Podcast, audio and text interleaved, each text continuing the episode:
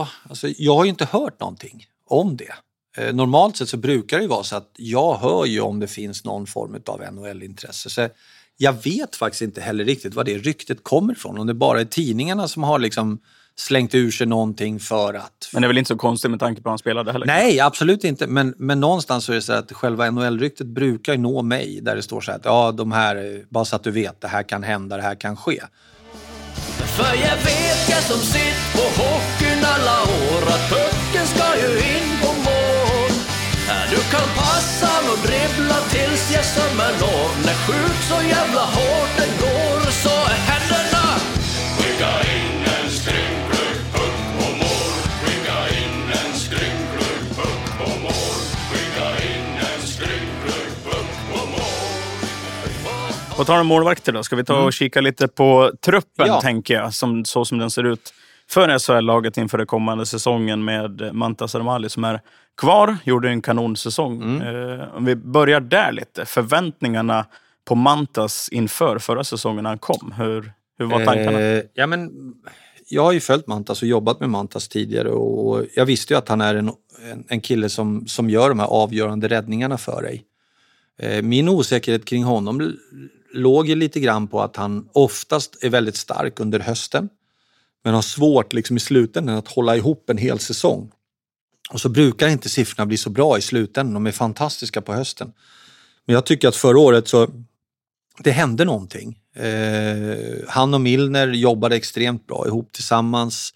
Mantas på något sätt fick ihop en hel säsong och då får han också visa att han är en toppmålvakt i Sverige. Att det har funnits i honom, det, det har jag alltid haft en känsla för. Men, men att han ska hålla i 52 omgångar, nu stod han inte 52, men nästintill över en hel säsong. Det var jag otroligt imponerad av. För det, det var jag väldigt osäker på innan. Så jag känner mig jättetrygg med att Mantas finns hos oss. Vi vet att han är en toppmålis och det behöver man om man också ska kunna ta nästa steg, att man har en bra målvakt. Och på tal om Alexander Milner som du är inne på där, eh, innan vi går in och pratar lite om Filip Larsson, vilket vi, vilket vi naturligtvis ska. Eh, Men just Alexander Milner, vi har kallat honom lite för kometen, kometkarriären. Men han är ju fantastiskt talangfull och, och skicklig målvaktstränare. Ja. Berätta lite, som du är inne på, vikten av att målvaktsparet tillsammans med Milner har ett bra samarbete och lite Milner som, som tränare. Hur ser du på honom? Ja, men Milner är ju en, en otroligt noggrann person. Eh, vinnarskalle deluxe. Eh, väldigt sällan nöjd med sina målvakter sådär. Drivs hela tiden av att göra dem bättre. Eh, och det där har Milner haft. Jag, jag vet, när jag tog in Janne Juvonen, eh, eller när vi hade Janne Juvonen och så plockade vi in Milner under så fick liksom inte riktigt ordning på Janne. Janne hade en enorm potential men vi fick liksom inte eh, och då delade vi på så att Levan skötte Brage och Milner fick komma in och jobba med, med Janne. Och det var ingenting egentligen med emot Jonas sätt att, att jobba utan det var bara att Janne behövde ett annat sätt att jobba. Och det stod Milner för och det har Milner sen plockat med sig att hans schematiska jobb på den positionen har också gjort att när han hittar liksom in i målvakten, han når fram till målvakten så får de ett otroligt bra samarbete. Och Milner han slåss för sina målvakter. Alltså få som står upp för sina målvakter på gott och ont liksom in i det här. Eh, han vet att Björn har sista ordet i vem som ska stå men fan, han är som en terrier, Milner, liksom, när han inte riktigt blir som han vill att det ska bli. Eh, och det är rätt häftigt att se eh, hur, hur han liksom reagerar då. Så att, eh, en kille med passion, noggrann, otrolig tävlingsskalle och jätteduktig på sitt jobb. Som nu får Filip Larsson som Mm. ny adept också inför säsongen. Eh, där då, hur mycket involverad? För jag kan tänka mig att han har ganska mycket att säga till om där också. Milner, kanske i rekryteringen av just målvakter. Hur, hur funkar det där? Ja, men det är ju, ofta så gör ju vi så att det är inte så att jag som har noll koll på målvakter i det avseendet sätter mig och tar in någon. Eh, utan det är ju oftast de som får, Petter och han som sätter sig och börjar diskutera vilka målvakter finns, vil, hur tänker vi? Vi har ju valt att liksom, nu har vi gått, förra året hade vi ett målvaktspar där det skulle vara mer än 50-50 men det slutade med att det inte riktigt blev så. Men grundtanken var att vi hade väldigt hög kvalitet på två av våra målvakter. Nu kommer vi hamna i en där vi har en som har en enorm utvecklingspotential, en som har kommit långt men en som har en enorm utvecklingspotential. Och det var ju den vi var nyfikna på att titta på. Vad, vad finns det bakom här? Hur kan vi hjälpa Filip till att bli en toppmålis i SHL? Eh, så där har ju Milner fått göra ett, ett jättejobb vad han ser och vad han tänker och hur han vill jobba med Filip sen. Sen ska ju de hitta varandra, personkemin ska stämma, Filip ska vara öppen för Milners idéer och tankar och sådana saker. Men att det finns potential och att Milner troligtvis är en rätt gubbe att locka fram den och jobba med den, det är jag rätt övertygad om. För Filip Larsson är ju också en kille som du har haft koll på över under väldigt lång tid. Mm. Berätta lite, för ni har ju lite bakgrund ja, tillsammans. Ja, vi har ju lite historia ihop, jag och Filip. Då under min, eh, när vi flyttade tillbaks ifrån Linköping till Stockholm och jag spelade mina sista år i, i Djurgården så hjälpte jag också till i, i Simons lag. Eh, I Bo eh, IF heter det, en, en förening som ligger ute i Nacka. Eh, och eh, där var Filip målvakt. Simon spelade med de som var ett år äldre. Så Filip var en, en målis i det laget. Så jag har ju känt Filip jättelänge och följt Filip. Jag var ju engagerad i det där laget i fem eller sex år tror jag och har följt Filip egentligen under hela hans uppväxt. Eh, och sen så även fick ju Filip en plats in i Djurgårdens hockeygymnasium och så jobbade han vidare där och sen tog ju han en liten resa. Men Filip har ju varit en, en, en liten skitunge som har sprungit kring hemma i vårt hobbyrum och stått i mål och spelat hockey med våra grabbar och, och såna här saker. Så att, det eh, känns jättekul att få, få liksom följa Filip igen för han, han är en eh, extremt stor talang i det där. Eh, och ibland så behöver man bara ha lite tid för att det ska landa in och jag, jag, tycker att vi har en bra möjlighet att lyfta Philips målvaktsresa till en helt annan nivå med Milner. Så att det ska bli jättespännande med, med Filip.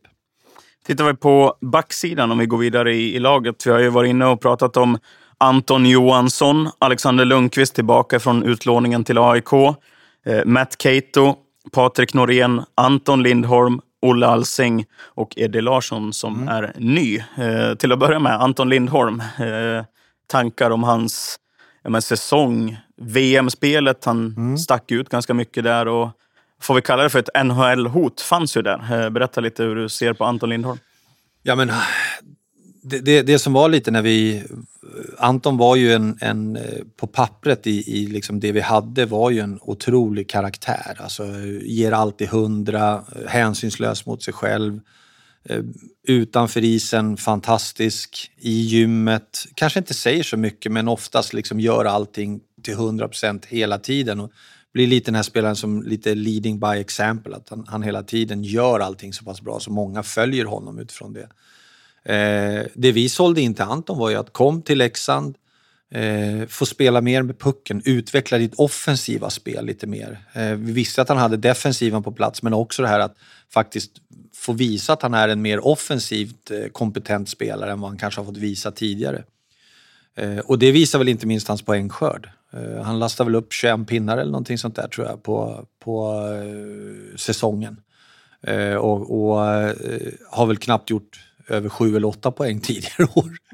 Så att eh, på så sätt så lyckades vi också lite med det som vi hade som en förhoppning och det har gjort att Anton har blivit bredare i, i sitt register. Men, men sett till hela hans säsong så har han varit grym. Eh, han har varit grym. Hur, var, hur har det varit att följa vägen fram här under sommaren? Eh, jag tänker på, naturligtvis, man blir ju som läxing lite orolig att det finns ett NHL-intresse för Anton. Hur har det varit för din del? Ja, alltså jag har ju inte hört någonting om det. Eh, normalt sett så brukar det ju vara så att jag hör ju om det finns någon form av NHL-intresse. Så jag vet faktiskt inte heller riktigt var det ryktet kommer ifrån. Om det bara är tidningarna som har liksom slängt ur sig någonting för att... Men det är väl inte så konstigt med tanke på hur han spelade heller? Nej, absolut inte. Men, men någonstans så är det så att själva NHL-ryktet brukar nå mig där det står så här att ja, de här, bara så att du vet, det här kan hända, det här kan ske. Eh, jag har inte hört ett ljud så att jag har haft svårt att vara orolig för någonting som jag faktiskt inte vet någonting om. Men självklart så finns det väl alltid en risk att alla våra spelare kan, kan bli tagna fram till den 15 juni. Eh, när de har kontrakt med, med oss i Sverige. Men, men den risken löper ju både... Men, men så, jag har inte varit så där...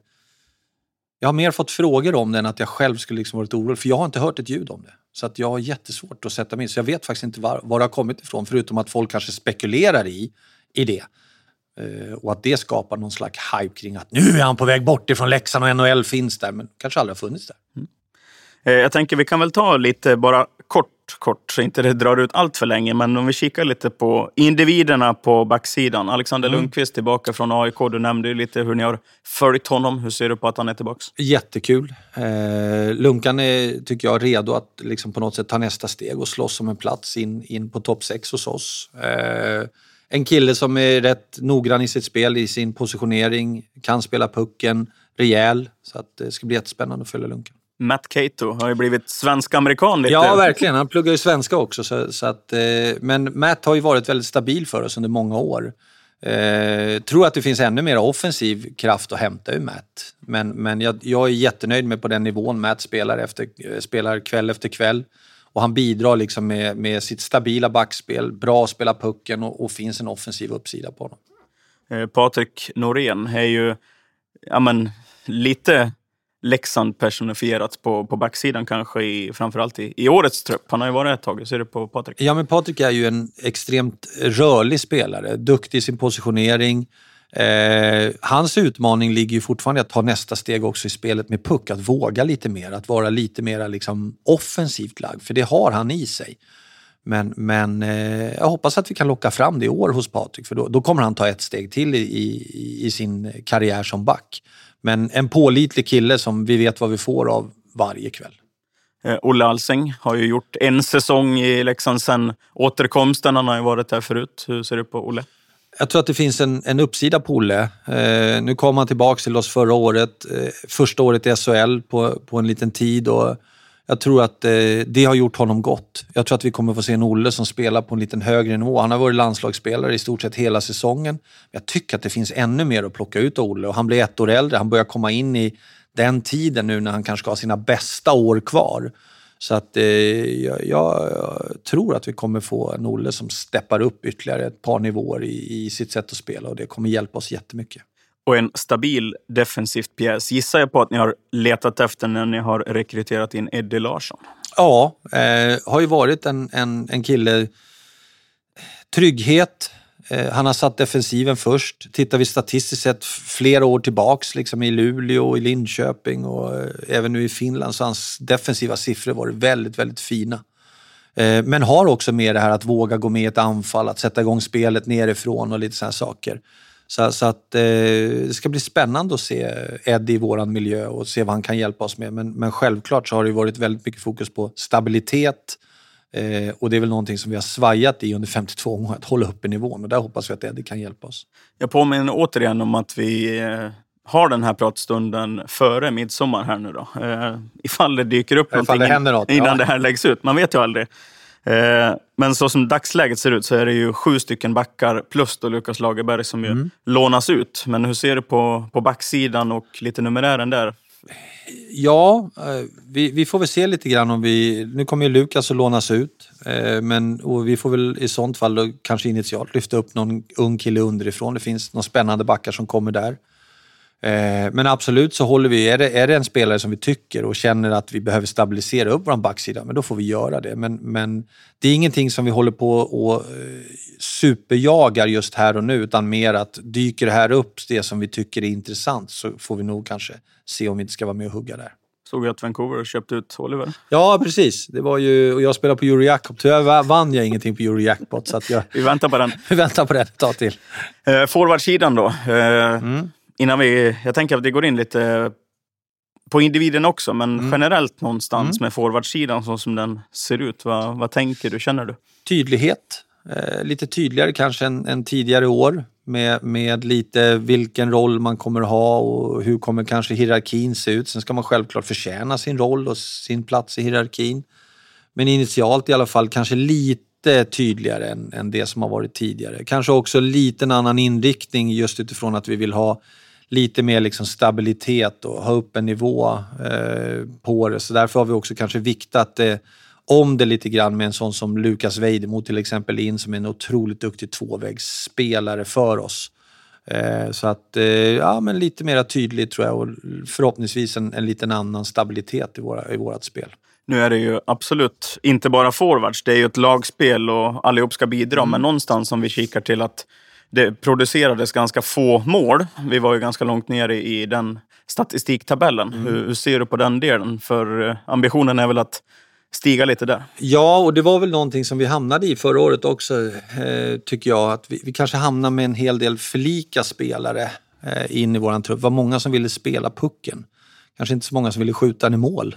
Utan mer folk som ville försöka spela in pucken. Och det vi hade väl vid ett powerplay ibland som de slog 4-5 och fasiken målvakten låg i sarghörnet. Men det var ingen som ville skjuta in den i, i mål. Eh, och det har vi väl försökt komma rätta till lite grann också med, med i år med att Max kommer att återvända. Vi tog in Peter, får kanske två killar som är lite mer naturliga i den rollen. Eh, och vi har släppt Carter Camper och Micke Roma som kanske gärna ville spela pucken. Vi tycker att vi har en hel del spelare som kan spela pucken. Så, så att det känns lite grann som... Vi har ersatt det med lite det vi saknade och vi har flyttat på lite det som vi kanske hade lite för mycket av. Eh, och det tror jag också kommer göra en större tydlighet i vårt, vårt spel och i vår trupp. Om vi kikar lite på spelare för spelare. Då. Vi har berört Arvid Elias eh, sen tidigare. Du var inne och touchade lite på Lukas Vejdemo som är Mm. ny då från Djurgården senast. Eh, om du utvecklar lite vad, vad du ser i, i Lukas. Jag hade ju Lukas när, förra gången när jag arbetade i Djurgården, både från juniorerna upp i, i herrlaget. Och, och Lukas är ju en, han kan göra poäng, men en otroligt duktig kille att jobba i båda ändarna. Mycket defensiva uppgifter, kunna stänga ner, en arbetskapacitet som är enorm. Eh, en härlig kille, en grym karaktär vid sidan om, väldigt liksom, mån om att vara i bra form. Eh, Lukas har alla potential att kunna bli liksom en toppcenter i den svenska ligan, men han behöver, kommer behöva ha lite tid. Han kommer från en skadeperiod och därför också vi valde att skriva ett lite längre kontrakt med honom för att det finns en enorm potential i honom, men vi måste få jobba med den lite över tid. Vi får inte skynda fram någonting här. Men jag tycker Lukas i slutspelet förra året, för varje match som gick så vart han egentligen bara bättre. Eh, och det gör att jag känner mig otroligt nyfiken på hur han kommer att ta sig an SHL och successivt säsong för säsong att kunna växa och förhoppningsvis kanske bli en landslagscenter så småningom. Eh, Det var inte så, så länge sedan, det var väl nu i veckan, tänker jag på en intervju som gjordes med Lukas Vejdemo, där han ju är ganska tydlig med att han har ett stort hjärta för Djurgården, vilket är självklart och ganska naturligt. Eh, Kommer till Leksand nu på ett långtidskontrakt som du säger och det är ju ja, men, så elitidrotten och, och hockeyn ser ut nu. Hur ser du liksom på, på, på den delen? Det är ju inget tu tal om att han kommer att ge- sitt allt för Leksands IF, men hur ser du liksom på, ja, men, om du förstår, för det, det river ändå upp vissa Ja, känslor. men det är klart att det gör det. Eh, däribland så kanske man som spelare också behöver eh, kanske ibland tänka sig för lite hur man uttrycker sig, vad man säger. Eh, det är väl inte tull tal om att, att någon inte vet att han har tillhört Djurgården. Och ungefär som att jag också sitter, jag har verkat 19 år i Djurgården som organisation. Det är klart att det finns en speciell plats. Eh, men däribland som spelare kanske man eh, behöver tänka sig för lite hur man uttrycker sig, vad man säger. Samtidigt som jag vet att media är ju rätt duktiga på att hugga på de här sakerna och då måste man gå kanske på sin extra vakt också som spelare. För det är klart att det alla i Leksand vet om att han har spelat i Djurgården. Alla i Leksand vet om att han har ett Djurgårdshjärta eh, i det avseendet. Så det är inga hemligheter, men eh, det var någon supporter som sa till mig att jag vill gärna inte läsa om det i tidningen bara. Och det är väl lite det jag också kanske kan tycka i de här sammanhangen. Men ibland så får de learning by doing och så får man väl lära sig någonting av det och så får man ta det vidare. Men, men att, att Lukas är här för att bli en bättre hockeyspelare och vill utvecklas och tro på det vi i Leksand gör.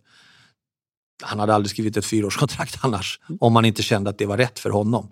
Och därför är jag rätt, eh, eller jag vet att han, han kommer att slita häcken av sig för, för att vi ska vinna.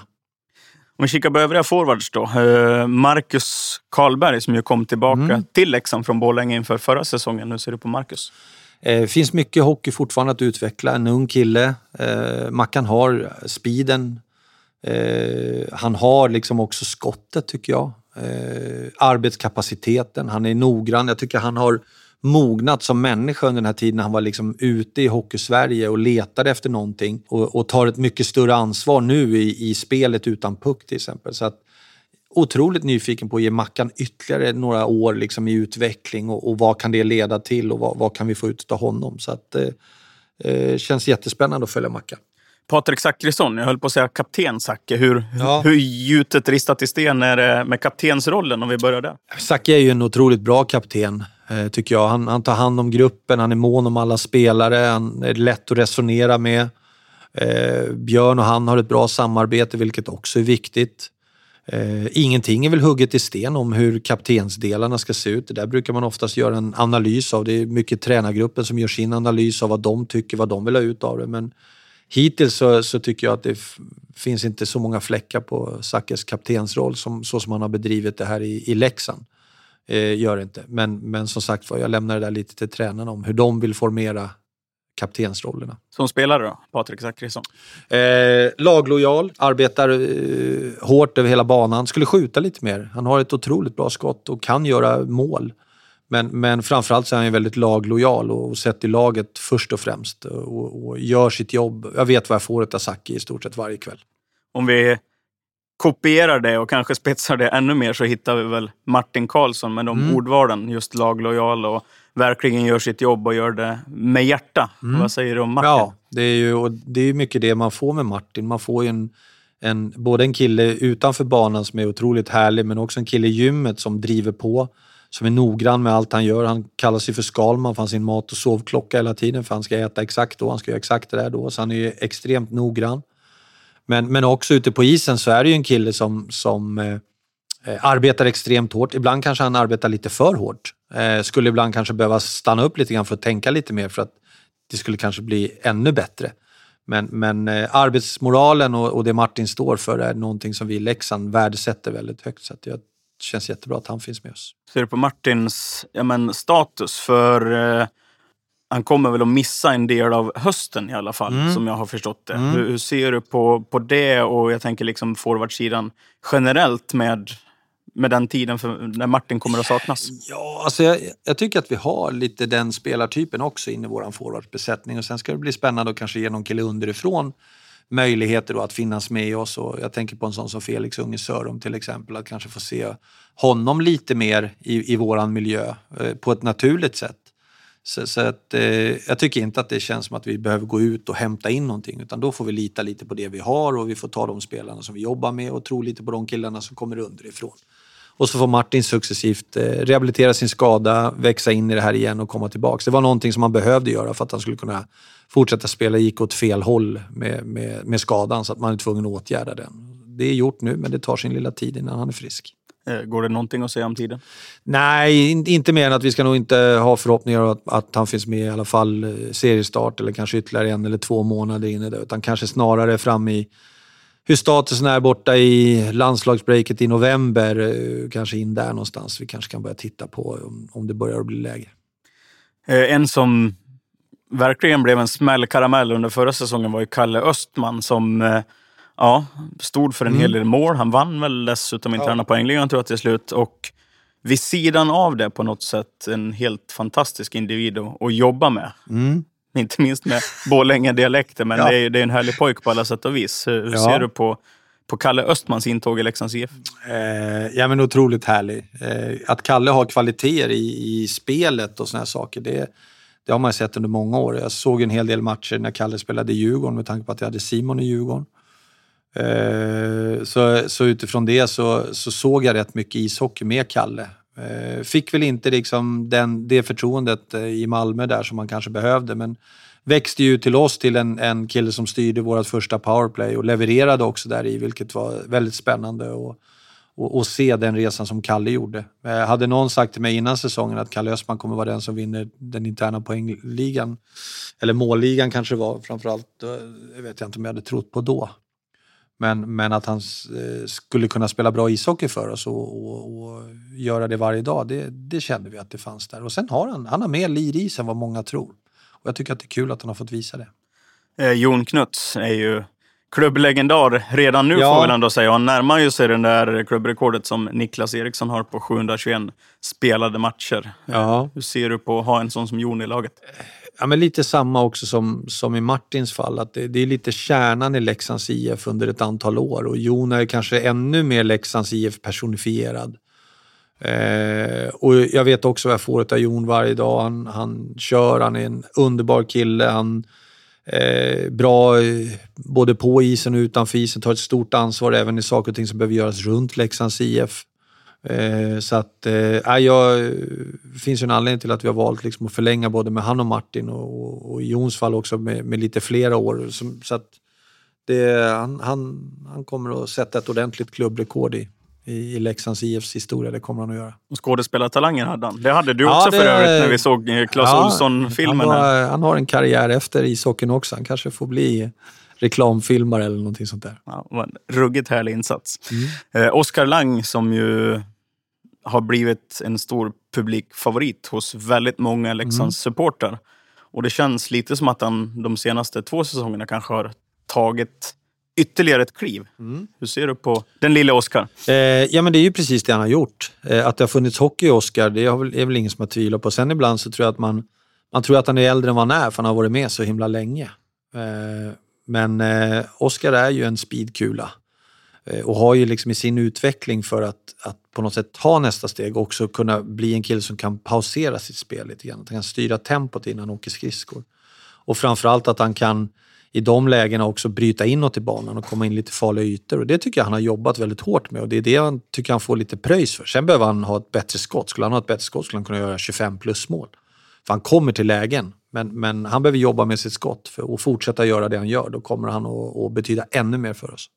Lite intressant som du säger, alltså sådana detaljer på alla spelare egentligen. Hur mycket hinner man jobba med teknikutveckling? För det, mycket handlar om att prestera poäng och resultat Ja. under säsong. Men hur hinner man jobba med sådana grejer? Eh, vi har varje dag egentligen en halvtimme för individuell utveckling där man får jobba mycket på de delarna som man behöver jobba på som spelare. Så en halvtimme före varje ispass så finns det alla möjligheter, både med att tränarna är ute och man kan titta på video och man kan gå ut och träna på det. Och ibland är de flera som tränar på samma sak, ibland är de några få som tränar på det. Så att, eh, det finns rätt mycket tid att utveckla det.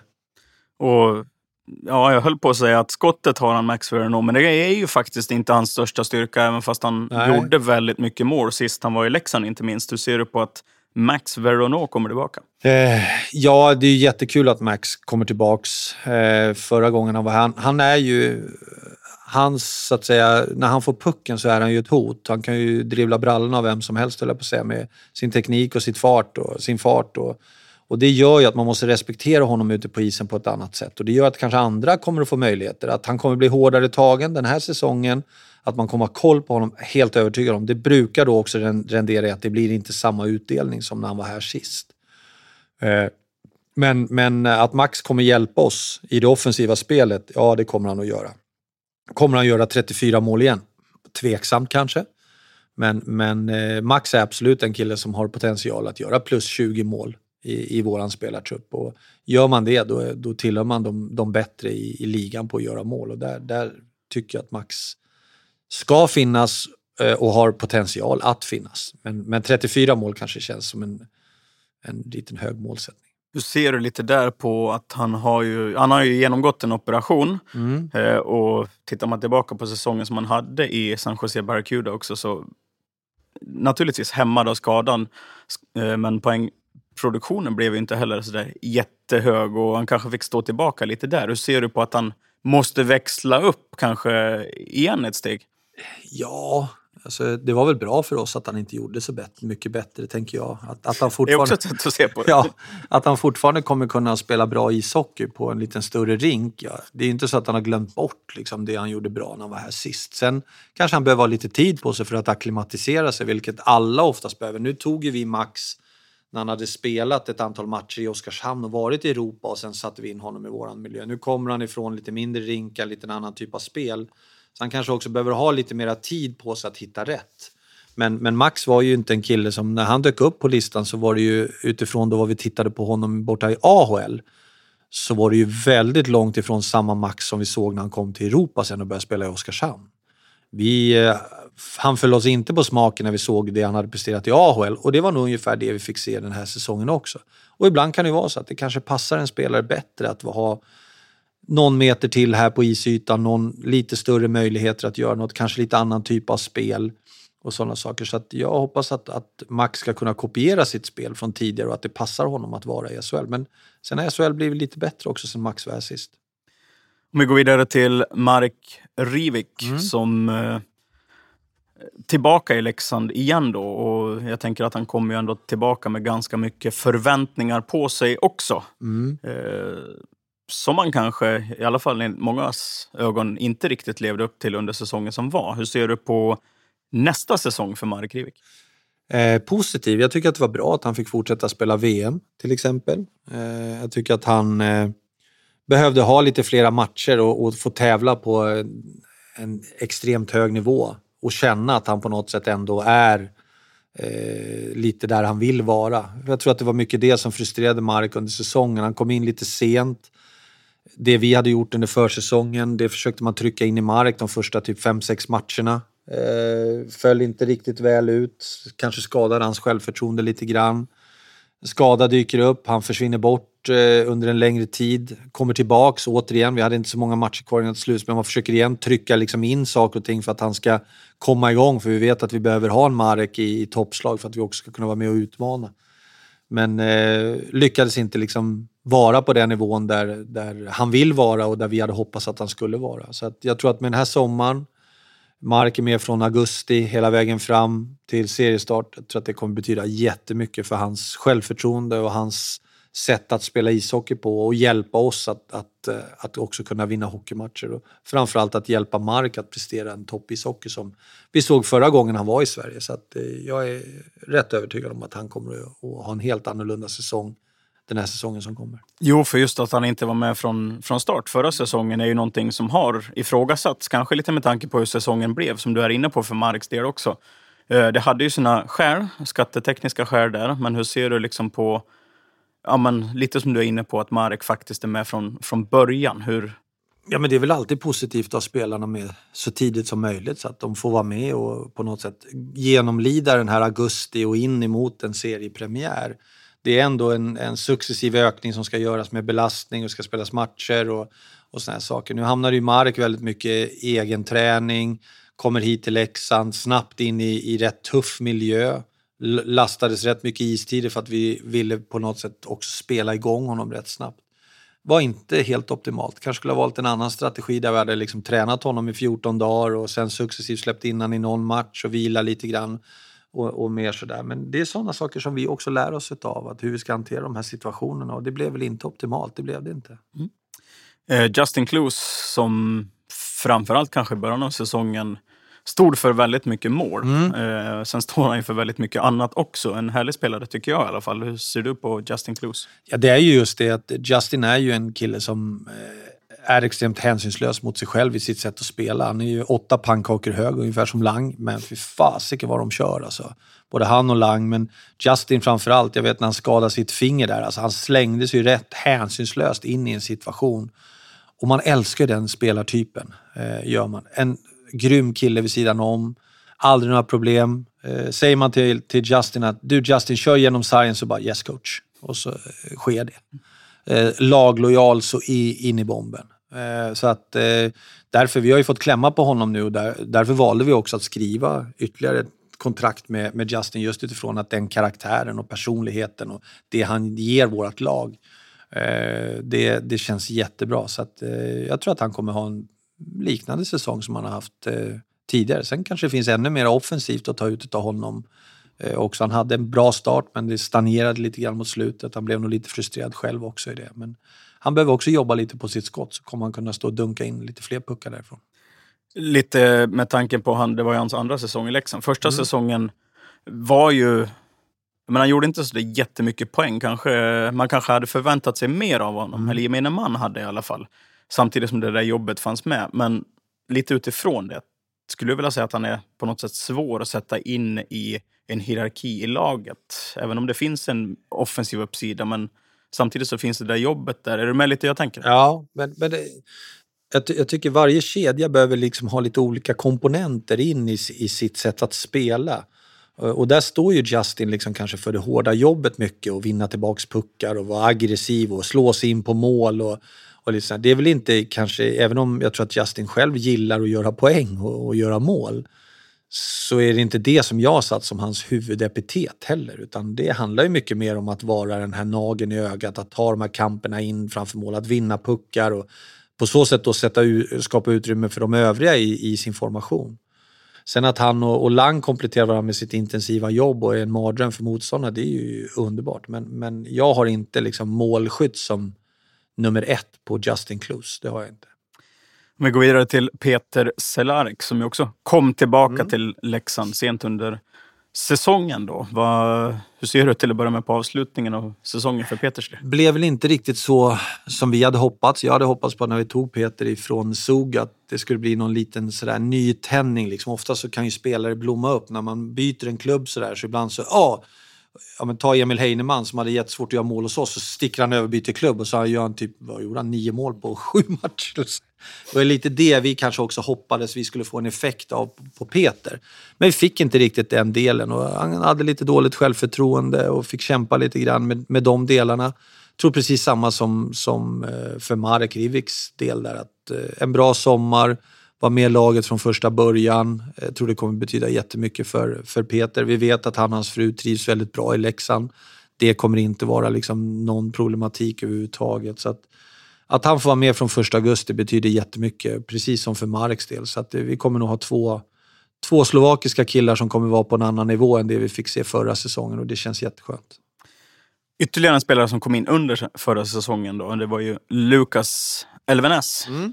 Eh, Tankar när ni plockade hit Lukas till att börja med? Ja, vi, vi tittade ju på Lukas redan tidigare, alltså säsongen innan och, och gillade liksom Lukas sätt att spela pucken. Det var lite där som också var den här... Äh, vi kanske fick liksom med Lukas in i laget så fick vi ytterligare en som ville hålla i pucken och ytterligare en som ville spela pucken. Men, men Lukas fanns ute och Lukas fanns ute på marknaden både när det kom till ekonomisk fördelaktiga delar och att vi också var intresserade av honom och då också ge honom ett lite längre kontrakt för att vi kände att här finns det en kille som kommer kunna styra ett powerplay, som kommer kunna stå för kreativitet. Men just i förra årets trupp så kanske det varit för många av den typen. Vi hade Camper, vi hade Lukas, eh, vi hade Roma. Vi, hade liksom en hel del som, som var där. Nu, nu tror jag det kommer bli ännu tydligare för Lukas med en tydligare roll. Men jag älskar ju hans kreativitet och ibland så kan man ju få gråa hårstrån när han börjar liksom passa puckar till höger och vänster i egen zon och man tänker så här, oh, det, ah, oh, sitter man eh, sådär. Men det är ju också en del. Han är ung. Det är ingen jättegammal kille, född 99. Han har sina bästa år kvar framför sig eh, och lär sig utveckla sitt spel med genom erfarenhet och det för varje säsong. Så att jag tror att Lukas kommer att kanske förflytta en hel del av de här riskfyllda passningarna lite längre upp i banan så att vi slipper ha dem i egen zon under säsongen. Men kreativiteten och, och hitta lösningar, är det är en fröjd för ögat att se Lukas. Carter Ashton. Mm. Härlig spelare. Ja. Stor fysisk. Stor fysisk, eh, jobbar hårt. Eh, tycker han förra året liksom, har inte kanske fått den här mm, poängskörden loss. Han har haft en hel del chanser. Han, han tar sina möjligheter men är ju en av de bästa att stå framför mål i ligan. Eh, finns där, suger upp returer. Eh, förra året fick han en enorm liksom, skjuts också sin arbetskapacitet att jobba över hela banan. Eh, är väl ingen kille som vi kanske ska förvänta oss 25 målet av, men om han fortsätter liksom med sin karaktär och, och med sitt sätt att jobba så kommer han också få betalt i poängkolumnen för det. Men, men en otroligt underbar människa att jobba med. Lite som du nämner, blev det så att han, jag ska inte säga kom in fel. Det var väl jättehärligt att han sprutade in mål som han gjorde i början, men jag tror att det satte lite med felaktiga förväntningar på Carter Ashton med tanke på men, den produktionen han hade under sin första säsong när han kom hit. Ja, men så, dels kan det vara det, men, men sen är det också så att vi får ju också vara lite ärliga. Vilka förutsättningar ger vi en sån spelare också? Han har ju vandrat rätt mycket upp och ner. Var en laguppställning. Ibland har det varit tredje kedjan, ibland andra, ibland fjärde. Liksom, lite som Sacka också förra året. Det är liksom, spelar ju nästan aldrig med samma spelare och, sådär. och vissa killar hamnar ju där och då gäller det att, man, att de är ödmjuka och försöker göra varje match och varje situation så bra som det bara går utifrån de förutsättningarna. Skulle vi ge Ashton förutsättningar att bara spela en första kedja och, och liksom bara stå så skulle vi nog också se flera poäng i, i den kolumnen. Det är jag helt övertygad om. Men ödmjukheten hos Ashton utifrån den rollen han blir tilldelad är toppklass. Eh, och jag tycker att han har mycket saker i sitt spel som vi behöver, som är lite osvenska in i, i sitt sätt att spela ishockey på.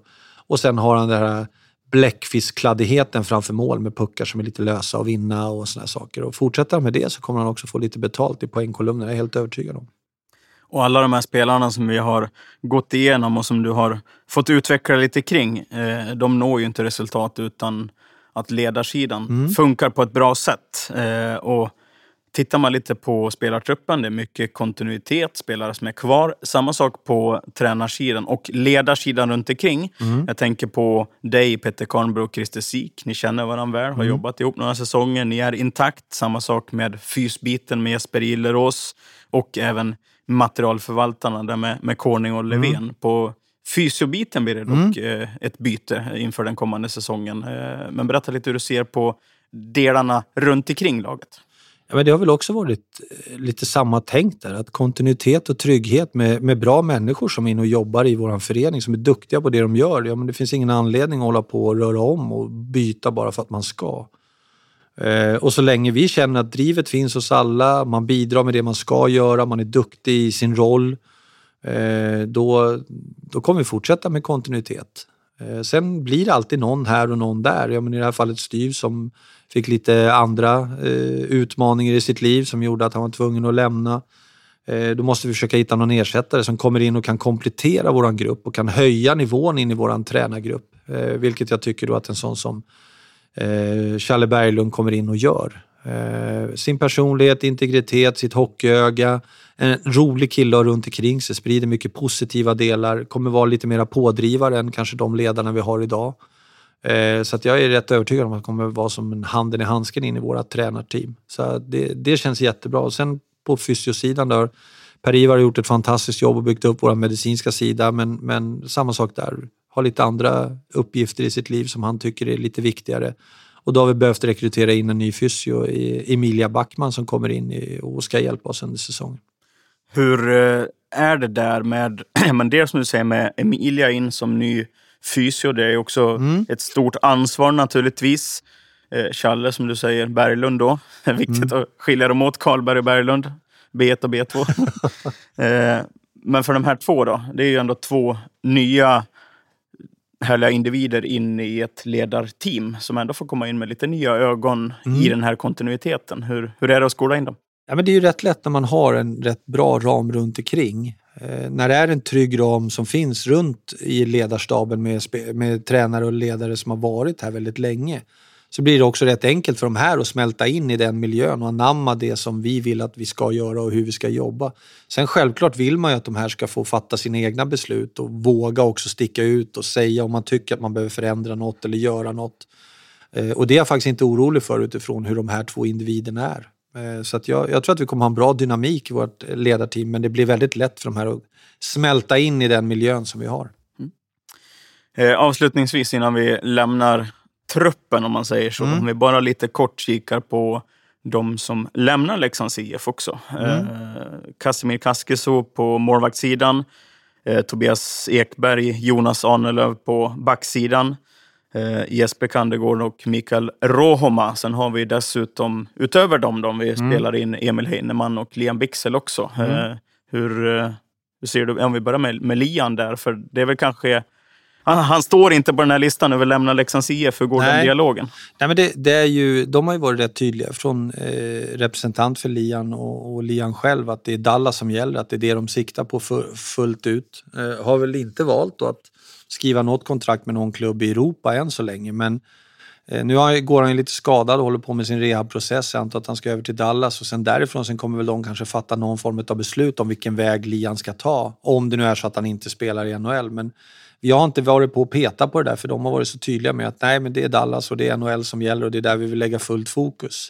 Eh, och då ska de få göra det. Sen hoppas jag att om det skulle vara så att de inte väljer att det inte blir Dallas, att Leksand skulle kunna vara ett alternativ. Samtidigt som vi får ju se lite vad vi är då. Ja, men har vi fyllt på med någon eller har vi inte gjort det? Har vi fortfarande den möjligheten att ge det som Lian e-, eftersöker i, i sin roll, lite det här med tydlighet som vi pratade om tidigare. Så, så kanske det blir en perfect fit, men den kanske inte dyker upp förrän i, i slutet på juli, i mitten på augusti någon gång. Eh, Så vi får se lite vad det studsar. Men han skulle absolut kunna vara en av pusselbitarna som skulle kunna falla på plats lite senare. Och Emil Heinemann som ju var på lån tillbaka till Ja. sin moderklubb Leksands IF i fjol. Då. Eh, Och som jag sa tidigare, Casimir Kaskiso, Tobias Ekberg, Jesper Kandegård och Mikael Rohoma. Hur ser du på... Det är ju en naturlig del av hockeyn. Några Ja, alltså, och, och det finns ju olika anledningar till, till det. Eh, Kashmir behöver ju få spela mer om man tittar liksom lite så. Ekberg, vi kunde inte heller riktigt ge. Han är inne i liksom, börjar passera över 30 och har inte så många år kvar och behöver ut och göra det. Ahnelöv har ju varit en, en, en dialog där jag ville ju att Jonas skulle fundera lite grann på hur han såg på sin hockeyresa framåt och vad kan vi erbjuda en kille som är 35? Ja, men ska han sitta på en buss Eh, som back nummer sju eller back nummer åtta ner till Oskarshamn? Är det där han vill? Är det det han vill ta sin hockey? Har han motivation att träna så hårt som det krävs? Eh, har ju fortfarande inte fått något svar, men jag såg ju att Jonas själv var ute i tidningen och flaggade för att han var färdig med Leksands IF. Så att vi får väl se. Man, man vet aldrig. Den kanske snurrar tillbaka sen i, i, i lite senare. Men jag har aldrig tackat av Jonas idé, utan jag ville gärna att han skulle återkomma till mig. Men han valde att kliva ut och göra det själv. Eh, Micke har ju varit en, en kille som vi alla gillar väldigt mycket. Sitt sätt att spela och sin personlighet. Men ibland finns det också ekonomiska aspekter som gör att man kanske inte kan komma vidare med någon om Man behöver prioritera lite an, annat. Emil har ju varit en, en naturlig del att han skulle vara här i år för att sedan lämna till, till Nordamerika. Men det är lite synd att vi inte fick liksom kanske njuta riktigt av den Emil. Jag hoppas att han har en lång och härlig karriär borta i Nordamerika men, men sen när han kommer tillbaka så att vi kanske får se en kille som gör 40 baljor i SHL. Och Jesper Kandegård. Och Kandis, förlåt. Eh, och Jesper var ju också en sån här kille som har varit hos oss. Lite den rollen som kanske Arvid Eljas tar över nu. Att ja, men försöka kämpa sig in i laget och ta sina steg. Och, och Jesper behöver ju också komma ut och få, få lite mera speltid för att kanske lyfta sitt spel ytterligare. Och så finns det ingenting som säger att han inte kan snurra tillbaka till Leksands IF om några år igen. Kanske lite konstig fråga, men jag tänker med det här lagbygget som väl i, till 98 procent i alla fall ligger där det ligger om man säger så. Eh, man har väl alltid olika känslor på något sätt eller olika förväntningar Mm. inför en säsong. Eh, var sätter du in det här laget liksom någonstans och vad har du för tankar, känslor när det börjar rassla på där i augusti som vi var inne på? Ja, jag, jag, känslan kring gruppen är ju att eh, vi, även förra året så hade vi extremt höga toppar men vi hade väldigt djupa dalar och det är väl lite det vi har försökt att korrigera lite med Eddie in, Lukas in framför allt. På, på dem. Vi har ju byggt laget lite mer att vi kanske ska hålla upp en nivå lite mer i 52 omgångar, att det inte ska vara just den här höga pendlingen. Och, och där är ju de, tittar man liksom på de skickliga spelarna, ja men Camper lämnade lite tidigare men det finns ju otroliga plussidor med de spelarna men det finns ju otroliga negativa sidor också. Det är väl lite, man kanske vill tona ner lite där och hitta en annan balans i truppen där vi behåller en hel del av våra toppar med Rivik och Max och Lang och Lukas och de här killarna. Men också den här balansen, att vi inte faller igenom och då kanske det är några spelare som behöver bli de här balansspelarna och det är väl lite där vi hoppas att en sån som Lukas ska kunna vara det, Eddie ska kunna vara det och sen också att den övriga gruppen fortsätter liksom att utvecklas åt, åt det hållet så att våra dalar blir betydligt lägre, eh, förhoppningsvis kortare, men vi behåller topparna och då kommer vi troligtvis ta lite fler poäng. Det är spännande. Ja, otroligt spännande. Härligt. Avslutningsvis, Thomas. Det vart en ganska lång körare. Vi får väl se om Ja. vi delar det i två delar kanske. Eller hur vi gör. Mm. Oavsett vilket, väldigt intressant att, att lyssna till i vanlig ordning. Eh, Ja. Det är midsommarvecka. Mm. Det är inte många dagar kvar tills det smäller i gropen. Nej, jag tänkte se dig komma in eh, dansande där i daladräkten och se till att allting kommer på plats där det ska vara. Eh, Jag kommer fira midsommar i Leksand, det ska bli jättekul faktiskt. Och vi har lite kompisar uppe från Stockholm så vi, vi ska ta en tur ner till gropen och, och se, se lite hur, hur det riktiga firandet om man firar in midsommar sker här i Leksand. Så det ska bli jättespännande. Är det lite skillnad mot Stockholm? Eh, ja. ja. Hur då? Ja, men det är ju, dels är det så mycket folk på ett och samma ställe och sen alla de här dräkterna som man har på sig. Så det blir en helt annan atmosfär, en helt annan känsla kring det här med midsommar som vi inte har upplevt. Utan då har man ju oftast kanske varit hos några kompisar, man har gått ner på någon äng och så är det någon som har gjort någon krans och så har man dansat lite små grodorna och så that's it ungefär. Här blir, känns det som att det är lite genuint sprunget ur den svenska folksjälen med ett midsommarfirande som vi ska få uppleva nu. Så no pressure brasar! Nej, vi tar det till oss. Vi ska försöka leverera någonting. Stort tack till Thomas Ja, tack och själv. ha en trevlig sommar. Detsamma, detsamma. Jag var på hallen match mot Mora IK Norra Stå Men jag satt i baren för jag, jag klarade inte av, jag var för feg för att titta på När plötsligt jag hörde en gammal skröplig karl som mumlar nåt på Leksands mål. Men att de aldrig skjut.